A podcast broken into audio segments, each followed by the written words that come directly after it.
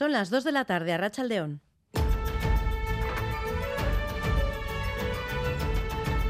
Crónica de Euskadi con Irache Martínez.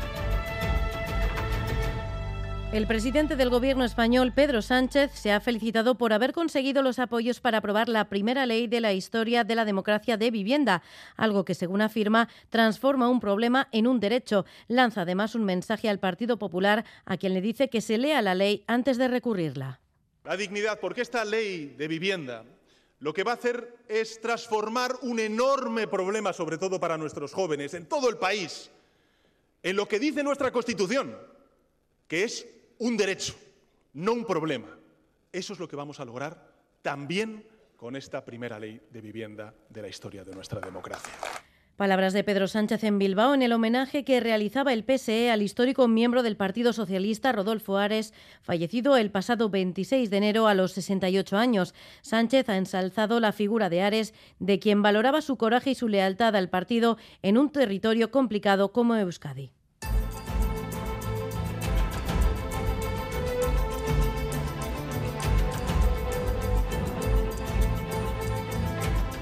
Hoy, además, en Eibar, acto de homenaje a la República en el que han participado miembros del Carrequín Podemos, Izquierda Unida y el PCE, mientras que en la fiesta de la primavera de Podemos en Zaragoza en este acto, Yone Belarra ha lanzado mensajes a Yolanda Díaz sin citarla directamente, eso sí. Ha dicho que si alguien ha aguantado presiones, esa es Podemos. En ese sentido, ha asegurado que hay quien quiere ver a la formación morada relegada a la esquina del tablero como un adorno del PSOE y sin capacidad de influir en política, algo que, según Belarra, ni ha ocurrido ni ocurrirá.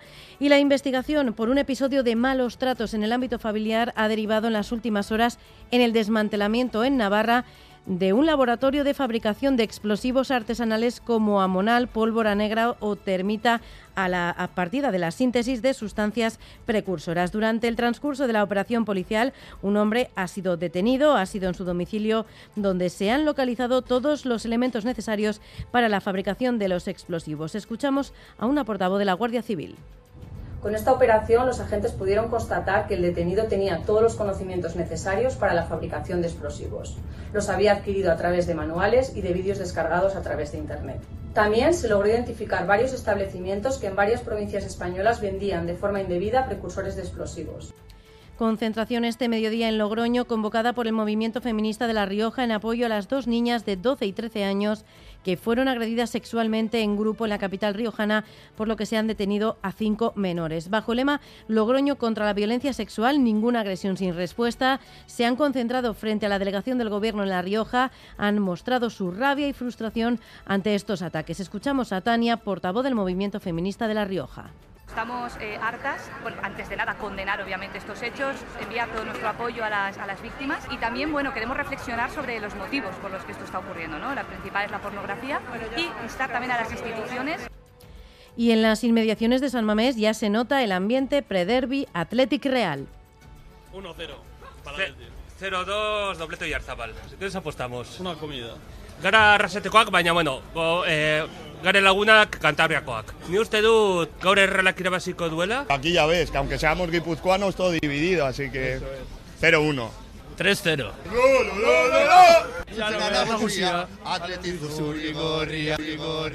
Bueno, como ven, ambientazo, cita deportiva importante para esta tarde. Así Careaga, a Racha León. A Racha León, a partir de las 4 y cuarto, el Athletic buscará la victoria para acercarse a la Europa League, mientras que la Real quiere amarrar su puesto en la Champions. En ambos once, la principal duda se centra en el lateral derecho.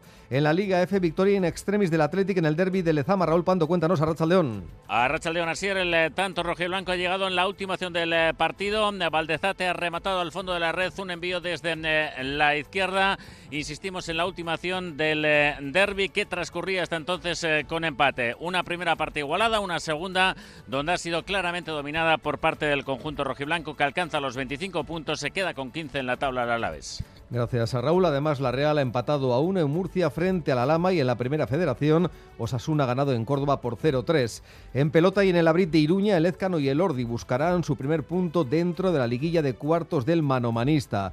En la división de honor femenina de balonmano termina la primera fase y en el Gasca está en juego el derbi entre Veravera y Zozo Baracaldo. Ganan las guipuzcoanas por 32-13. Y en la Liga CB de baloncesto a las 6 Bilbao Basket visita al colista Fuenlabrada. Es que recasco Asier. Vamos ya con las temperaturas. Tenemos ahora mismo 14 grados en Bilbao, 13 en Bayona, 12 grados en Donostia y Vitoria-Gasteiz y 10 grados en Iruña. Y vamos ahora sí con el pronóstico del tiempo para las próximas horas. Euskalmet, Mayaleniza, Arrachaldeón. Arrachaldeón, por la tarde la lluvia tenderá a remitir. Todavía serán algunos chubascos, sobre todo en la mitad norte, pero con el paso de las horas la lluvia será cada vez más escasa, aunque las temperaturas se mantendrán frescas el viento noroeste sopla con cierta fuerza y las máximas hoy no superarán los 13-15 grados. De modo que la tarde será fresca, pero cada vez lloverá menos y la lluvia irá remitiendo. Mañana esperamos un ambiente más claro. Comenzaremos el día con bajas nubes y de madrugada todavía puede lloviznar en puntos de la mitad norte. Pero a lo largo de la mañana los claros irán ganando terreno y por la tarde predominará el tiempo soleado, especialmente en el sur subirán un poco las máximas y rondarán los 15-17 grados, pero a partir del mediodía superará el viento del norte, con más intensidad en el Valle del Ebro, y no notaremos muchos cambios en la temperatura. En resumen, mañana el ambiente será más soleado, sobre todo por la tarde. En carreteras, el Departamento de Seguridad pide precaución en la Guipúzcoa 627 en Arrasate, sentido Málchaga.